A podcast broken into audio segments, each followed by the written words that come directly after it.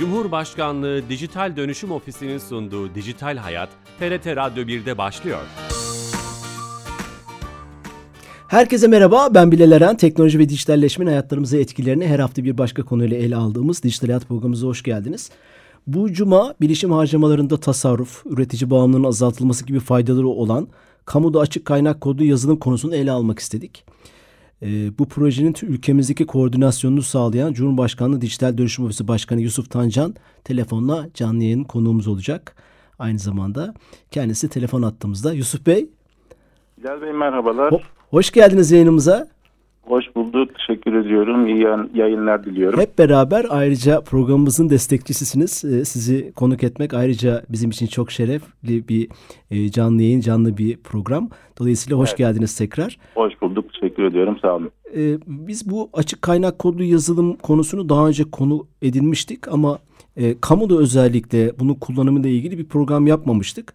E, Temmuz ayındaki genelgeyle beraber bu konuda neler yapılıyor? Sizin liderliğinizde birçok iş yapılıyor. Bunu konuşmak istedim ama istedik ama öncesinde açık kaynak kodlu yazılım nedir? E, kapsamı nedir? Örnekler var mı? Sizden dinleyebilir miyiz? Evet tabii ki. Şimdi esasen e, açık kaynak kodlu yazılım konusu 15-20 yılı aşkın bir süredir ülkenin gündeminde aslında. E, lakin bu son yayınladığımız genelgeyle birlikte e, hem ofis olarak hem e, kamu olarak hem e, yerli yazılım endüstrisi ekosistemi olarak e, bir sıcak gündem haline geldi. E, o yüzden e, yayında da gündeme aldığınız için ayrıca teşekkür ediyorum. Şimdi açık kaynak kavramını e, isteyen herkesin teknolojiyi geliştirmeye katkı sunabildiği bir üretim modeli olarak tanımlayabiliriz aslında. E, temel felsefesi yazılım geliştirme sürecini daha şeffaf, katılımcı, güvenilir ve en önemlisi e, özgür hale getirmek. E, zaten ilk çıktığı yıllarda da özgür yazılım şeklinde e, çıkmış. Daha sonra da işte açık kaynak e, kavramına dönüşmüş. E, yazılımın e, kaynak kodu erişilebilir olduğundan herkes tarafından incelenebilir, geliştirilebilir ve paylaşılabilir durumda.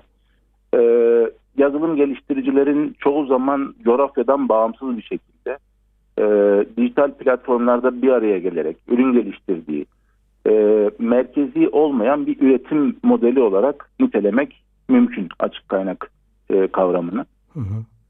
Bu anlamda binlerce yazılım uzmanının katkı verdiği küresel bir kitle kaynak çalışması e, aslında. Bu çok paydaşlı yapı e, muazzam bir bilgi paylaşımını ve yenilikçiliği de beraberinde getiriyor. E, mevcut bir teknolojinin e, bir başkası tarafından bir başka yazılım e, grubu topluluğu tarafından geliştirilen bir teknolojinin çekirdek bileşenleri baz alınarak e, bir başka grup yeni işlevler içeren yeni türevler üretebiliyor ve bunu paylaşabiliyor. E, proje toplulukları içerisinde bulunan yazılımcılar sürekli bir öğrenme döngüsü içerisinde e, yeteneklerini de geliştirebiliyorlar. E, kendilerine de bir katkı sağlayabiliyorlar ve projelere katkı verdikleri ölçüde de e, saygınlıklarını artırmış oluyorlar. E, yenilikçi ve özgür bir yaklaşımla ve de geniş bir katılımla geliştirilen e, bu yazılım ürünleri e, çoğu zaman e, rekabet avantajı sağlıyor ve bazı durumlarda ticari lisanslı yazılımlardan e, daha yaygın kullanıma ulaşabiliyor. Müthiş. Ee, ve işte lisanslı versiyonları, ücretli veya ücretsiz versiyonları olabiliyor. Bu şekilde kamuoyuyla, piyasayla paylaşılabiliyor. Ee, yazılımın kaynak kodlarının herkese açık olması kritik sistemlerin güvenliği açısından da e, önemli bir avantaj. E, muhtemel bir güvenlik açığı durumunda kaynak kodların incelenmesi ve revize edilmesi her zaman mümkün ihtiyaç halinde e, ticari lisanslı yazılımlarda ise kaynak kod görülemediği için e, yazılımın davranışının incelenmesi veya hatanın giderilmesi ya mümkün olmuyor ya da üretici firmaya bağımlılık nedeniyle e, uzun zamanlar alabiliyor.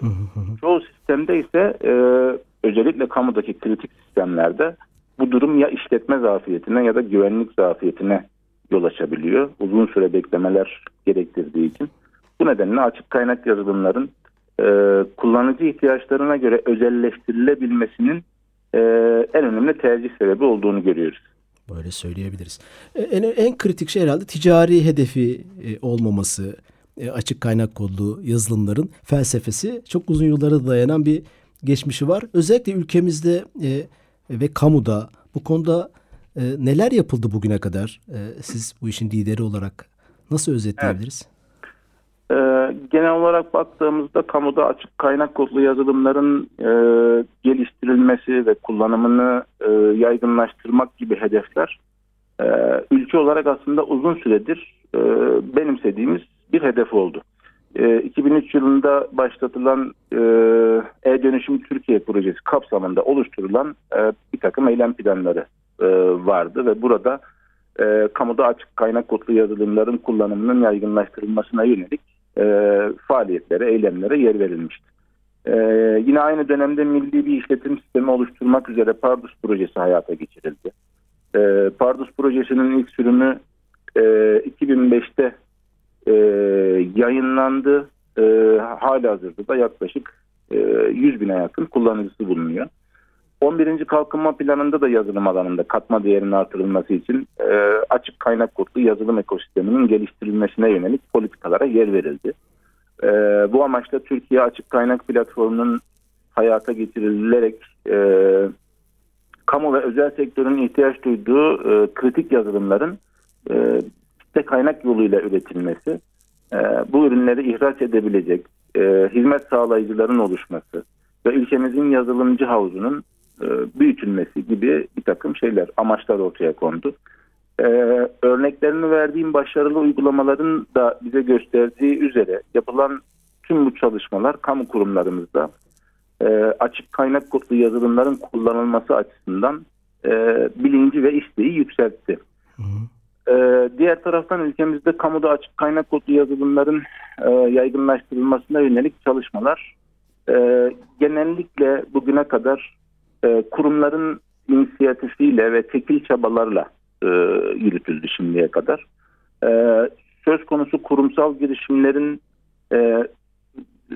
önemi yüksek olmakla birlikte açık kaynak yazılımlardan kamuda daha etkin şekilde istifade etmek üzere e, mevzuattan da güç alan bir uygulamayı hayata geçirme ihtiyacı olduğunu biz uzun süredir gözlemliyorduk. Hı hı. E, Temmuz 2023 tarihli resmi gazetede e, kamuda e, açık kaynak kod kullanımı konulu bir Cumhurbaşkanlığı genelgesi e, yayınlandı.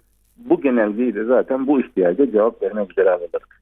Aslında çok ben tam onu soracaktım. Bu müstakil iradelerin, müstakil çabalar artık herhalde bir Cumhurbaşkanı genelgesiyle evet bu iş yapılmalı, yapılacak dendi bu genelgede. Aslında içeriği neydi genelgenin? Liderliğini de size verdiler sanırım.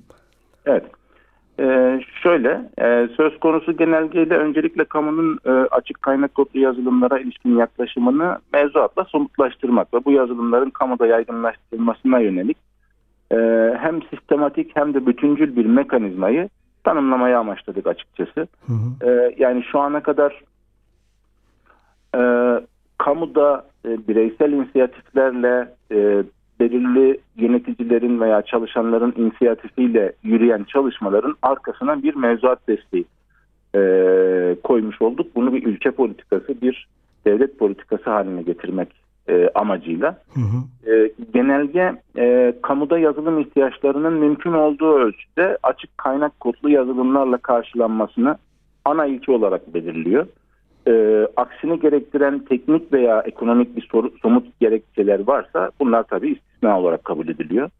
Bu ana ilkenin hayata geçirilmesine yönelik olarak e, kamu kurumlarından öncelikle ticari lisanslı ürünlerinin envanterlerini çıkarmalarını, e, sonrasında bu ürünlerin açık kaynak kodlu muadilleriyle değiştirilmesine yönelik e, teknik ve veya ekonomik analizleri yaparak geçiş kararı almalarını, e, geçiş yapılamayacak ürünler için de detaylı gerekçelerini bize raporlamalarını bekliyoruz.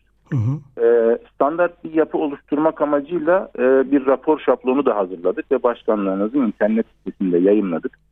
E, kamu kurumlarımızın e, söz konusu raporu hazırlayıp genelgenin yayınlandığı tarihten itibaren e, 9 ay içerisinde başkanlığımıza göndermeleri gerekiyor. E, geçişle ilgili analiz ve yol haritası raporunun hazırlanmasında kurumlarımıza yol göstermek amacıyla TÜBİTAK ULAK, ULAK BİM ekiplerinin de desteği ve katkısıyla e, bir rehber oluşturduk ve başkanlarımızın internet, internet sitesinde yayınladık. E, analize yönelik bilgilerin yanı sıra e, açık kaynak kod olarak tanımlayacağımız lisans tipleri e, ve muadil açık kaynak kodlu yazılımlar gibi bilgiler de yine e, bu rehberde yer alıyor. E, genelgede ayrıca yerli firmalarımıza sağladığımız bir avantaj da mevcut. Türkiye'de faaliyet gösteren yazılım firmalarınca geliştirilen yerli yazılımlar da teknik ve mali açılardan ilgili kamu kurumunun ihtiyacını karşılıyorsa e, açık kaynak kodlu yazılım geçiş sürecinde öncelikle değerlendirilecek. Bunlara da öncelik verilecek. E, böylece genelgenin açık kaynak kodlu yazılımlar için e, artırmasını beklediğimiz talepten ülkemizde faaliyet gösteren yazılım firmalarında firmalarının da yararlanmasını sağlamayı e, hedefliyoruz açıkçası. e, genelgeyle birlikte açık kaynak kodlu yazılımların sağladığı avantajları, zorlukları dikkate alarak e, stratejik bir yaklaşımla e, bu tür yazılımları kullanmak ve bu şekilde kamuda daha sürdürülebilir, güvenli ve ekonomik bir BT altyapısı oluşturmaya hedefliyoruz. Harika. Şunu da vurgulamakta fayda var. E, genelgenin hedefi e, her ne kadar kamuda açık kaynak kodlu yazılımların e, kullanımını yaygınlaştırmak olsa da ticari lisanslı yazılımların kullanımını sonlandırmak değil. Yani zaten konunun hani e, uzmanları e, e, teknik ve hem de ekonomik boyutu dikkate alındığında e, bunun gerçekçi olmadığını mümkün de değil değil mi Yusuf Bey evet. zaten evet.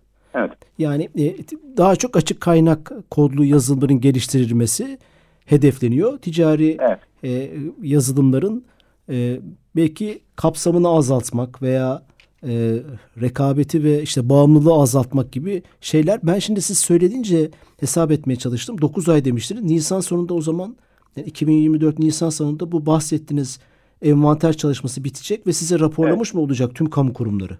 Evet.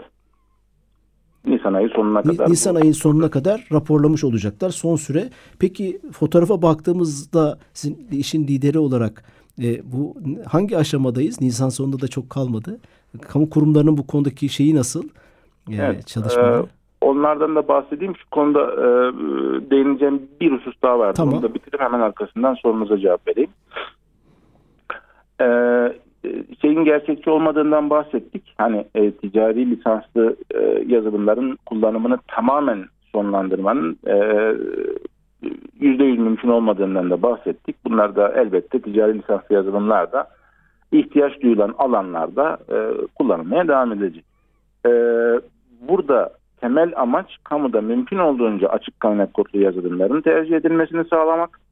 E, bu sayede yazılım lisans maliyetlerini düşürmek, e, BT altyapılarında esneklik kazanmak ve yerel e, yazılım ekosistemini desteklemek olarak özetliyoruz genel manada. Hı hı.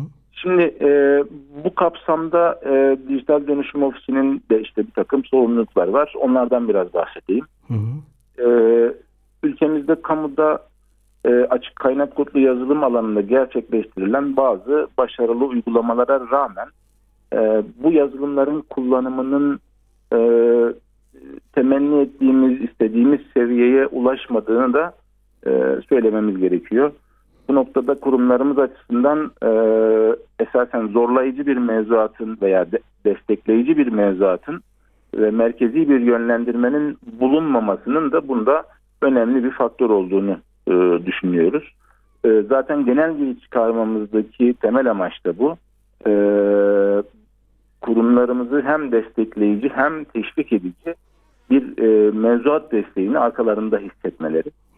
ee, başkanlığımızın konuya el atmasıyla birlikte açık kaynak kodlu yazılım kullanımı konusu mevzuatla desteklenen bir ülke politikası haline getirilmiş oldu.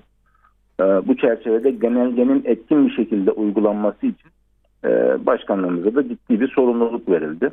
Ee, genelgenin gerektirdiği çalışmaların yapılması noktasında kamu kurumlarına destek vereceğiz e, aynı zamanda bu alanda hizmet veren özel sektör firmalarının e, kamu ile buluşmasını kolaylaştırmak üzere bir koordinasyon görevi e, de yürütüyor olacağız. Hı hı. E, ayrıca genelge doğrultusunda kamu kurumlarımız tarafından hazırlanacak olan geçiş analizi ve yol haritası raporları başkanlığımız tarafından incelenecek ve uygun görülmesi durumunda onaylanacak.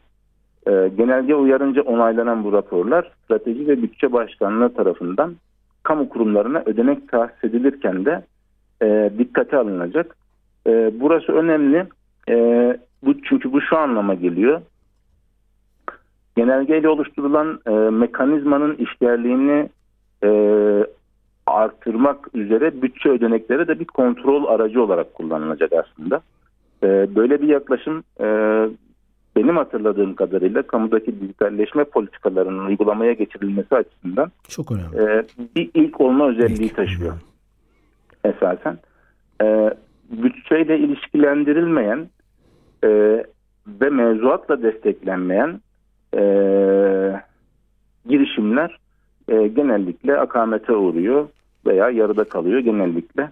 Bunu Hı hı. gördüğümüz için biz de süreci e, bir şekilde e, bütçe yönüyle de ele aldık ve orayla da ilişkilendirdik. Zorlayıcı bir şey oluyor. Şöyle diyebilir miyiz bir örnek versek? Örneğin bir muhasebe programı veya bir veri tabanı programı açık kaynak kodlu varsa ama ilgili kamu kurumu açık kaynak kod yerine ticari bir program tercih ediyorsa onun bütçesi verilmeyecek o kamu kurumuna. Ee, Ee, öyle diyebiliriz. Ee, ya da e, o konuda ikna etmesi gerekecek. Niye o ürünü kullanması gerektiği e, ile ilgili e, teknik ve ekonomik gerekçelerle, somut gerekçelerle e, ilgili e, kurumu, strateji bütçe başkanlığını ve dijital dönüşüm ofisini ikna etmesi gerekecek. hı hı hı. Dolayısıyla Eğer- Eğer her yönüyle her yönüyle e, muadil durumdaysa e, o zaman e, açık kaynak kodlu muadilini kullanması yönünde bir e, yönlendirme olacak. aslında güzel tarif ettiniz. Hem destekleyici hem zorlayıcı. Yani ikisi bir arada olmuş olacak. Dijital Dönüşüm Ofisi anladığım kadarıyla bu tüm bu sürecin liderliğini ve koordinasyonunu Evet. yapacak. Öyle gözüküyor. Bu arada yeni katılan dinleyicilerimiz vardır. Cumhurbaşkanlığı Dijital Dönüşüm Ofisi Başkan Vekili Yusuf Tancan Bey ile kamuda açık kaynak kodlu yazılım konusunu konuşuyoruz Dijital Hayat programımızda. E, bugüne kadar neler yapıldığı da aslında e, e, biraz konuştuk ama yol haritası, işte biraz önce söyledim Nisan sonuna kadar raporlama. Oradaki süreç nasıl işliyor? Şu ana kadar neler yapıldı? Evet ondan da biraz bahsedeyim. Şimdi e, Dijital Dönüşüm Ofisi Başkanlığı olarak genelgenin yayınlandığı tarihten itibaren yoğun şekilde bir çalışma sürecine koyulduk. E, ilk olarak özel sektör ve e, sivil toplum kuruluşlarıyla görüşerek e, açık kaynak kodlu yazılım konusunda faaliyet gösteren firmalarda farkındalık e, oluşturmaya çalıştık. Zira genelgenin e, uygulama başarısı e, yerel yazılım ekosisteminin bu çalışmalara ne ölçüde destek olabileceğiyle çok yakından ilgili. Hı hı. O nedenle öncelikle bu alanda faaliyet gösteren sektör paydaşlarının dikkatini e, o yöne çekecek, e, ortaya çıkaracak, yeni ihtiyaçlara, yeni iş fırsatlarına e, çekecek bir çalışmaya ihtiyaç vardı. Bunu e, bu nedenle bunu gerçekleştirdik. E, bu kapsamda Top Yazılım Meclisi tarafından kamuda açık kaynak kodlu yazılım genelgesi konulu bir özel sektör çalıştayı düzenlendi. Ee, özel sektöre genelgeyi ve onlardan beklentilerimizi anlatma fırsatı bulduk. Aynı zamanda onların da görüşlerini almış olduk. Ee, hemen ardından genelgenin e, yani e, olayın taraflarından diğeri olan e, kamu kurumlarımızı e, genelgenin uygulanması noktasında bilgilendirmek adına e, geniş katılımlı bir toplantı gerçekleştirdik. E, tüm gün süren toplantıda e, başarılı uygulama örnekleriyle kurumlarımızın açık kaynağa e, geçişine yönelik motivasyonunu artırmaya çalıştık. E, bununla birlikte genelgenin uygulama süreci ve tarafımıza iletilecek raporların nasıl hazırlanması gerektiği konusunda da kurumlarımızı e, bilgilendirdik. E, kafalarındaki soru işaretlerine, sorulara e, mümkün mertebe cevap verdik. E, bunun yanı sıra kamuda kullanılabilecek açık kaynak kodlu yazılımların tanıtılması amacıyla da e, bir bilgilendirme programı hazırladık. Çevrim içi olacak şekilde. Hı hı. E, özel sektör işbirliğiyle her hafta bir açık kaynak kodlu yazılımın tanıtılacağı bilgilendirme programının ilkini e, dün 8 Şubat'ta gerçekleştirdik. E, bu program kapsamında her hafta farklı bir yazılımı kamu kurumlarımıza tanıtıyor olacağız. Bu bilgilendirme programları e, kamu kurumlarımızın açık kaynak geçiş projelerinde birlikte çalışabilecekleri ve destek alabilecekleri özel sektör firmalarını tanıyabilme, onlarla etkileşime geçebilme açısından da e, bir zemin oluşturma e, amacı taşıyor. E, kamuda tabi ticari lisanslı yazılımların kullanımı çok yaygın e, ve uzun bir geçmişe dayanıyor. Dolayısıyla hem çeşitli teknik bağımlılıklar hem de güçlü alışkanlıklar oluşmuş durumda. Bu alışkanlıkları hemen kırmak, değiştirmek kolay değil. Bir süreç. Ee, bu da, evet bir süreç netice itibariyle dönüşüm bir süreç istiyor zaten. Bu durumu kısmen de olsa değiştirerek e, işte kamuda açık kaynak kodlu yazılımlardan daha fazla faydalanmak için kamu ve özel sektör paydaşların yoğun bir e, işbirliği ve çabası gerekiyor. Kamu tarafında kurumlarımızın açık kaynak geçişine yönelik planlamalarını yapması, özel sektör tarafında ise kamu kurumlarımızın ihtiyaçlarını karşılayacak şekilde teknik yetkinliklerin ve nitelikli iş gücünün e, ortaya konması, geliştirilmesi gerekiyor. E, biz de Dijital Dönüşüm Ofisi Başkanlığı olarak bu konuda üzerimize düşen koordinasyon, bilgilendirme, yönlendirme, e, işte ekosistem oluşturma çalışmalarını önümüzdeki dönemde yoğun şekilde yürütüyor olacağız. Burada bir şey sorabilir miyim? Bu açık kaynak kodu yazılımlar tamamen ücretsiz değil mi? Şimdi açık kaynak e, hangisi ücretsiz dediniz sorunuzu Açık, tamamlayalım. açık kaynak kodlu yazılımlar tanıttığınız mesela 8 Ha. Şubat'ta başladığınız yazı örnekler bunlar tamamen ücretsiz diyebilir miyiz? Hayır tamamen ücretsiz diyemeyiz. Yani e, esasen e, o yanılgıyı da gidermek lazım. Açık kaynak demek eşittir ücretsiz demek Hmm, değil. tamam. Yani e, bir açık kaynak kodlu yazılım ücretli veya ücretsiz versiyonları olabiliyor. Lisanslı veya lisanssız versiyonları olabiliyor. Piyasaya bu şekilde sürülebiliyor. E, onu bir ayırt etmek lazım. Ama tabii şöyle e, bir takım firmalar e, bir pazarlama taktiği olarak e, açık kaynağın gücünü e, kullanabiliyorlar. Yani atıyorum e, ürünün çekirdek bileşenlerini açık kaynak olarak sunuyor. E, sonra ihtiyaç duyulabileceğini e, bildiği bir takım işlevleri ise e, Kapatıyor. ticari lisanslı e, ve ücretli olarak sunabiliyor. Bir pazarlama Burada- taktiği gibi mi davranıyor aslında anladım. Evet. Buna da dikkat etmek gerekiyor Evet, aslında. doğru. Yani bu e, şimdi açık kaynağın temel felsefesi koduna erişilebilir olması, kodun incelenebilir olması ve e, ilgili uzmanlar tarafından e, yetkinlikleri olan insanlar tarafından e, değiştirilebiliyor, geliştirilebiliyor olması. Ana felsefesi açık kaynak kodun bu o zaman. Çok Evet. güzel anlatmış oldunuz.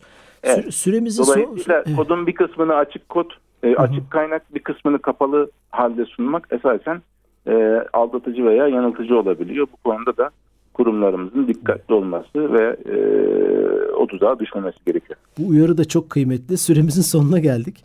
Ee, ama gelen hatlarıyla kamudaki bu çalışmayı ve Dijital Dönüşüm Ofisi'nin liderliğini öğrenmiş olduk. Çalışmanızda başarılar diliyorum Yusuf Bey.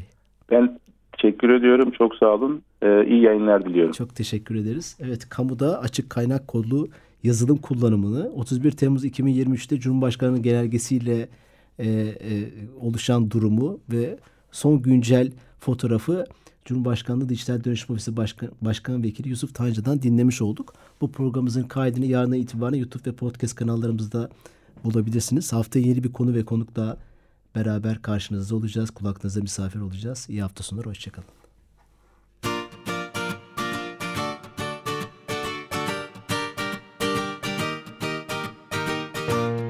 Cumhurbaşkanlığı Dijital Dönüşüm Ofisi'nin sunduğu Dijital Hayat, TRT Radyo 1'de sona erdi.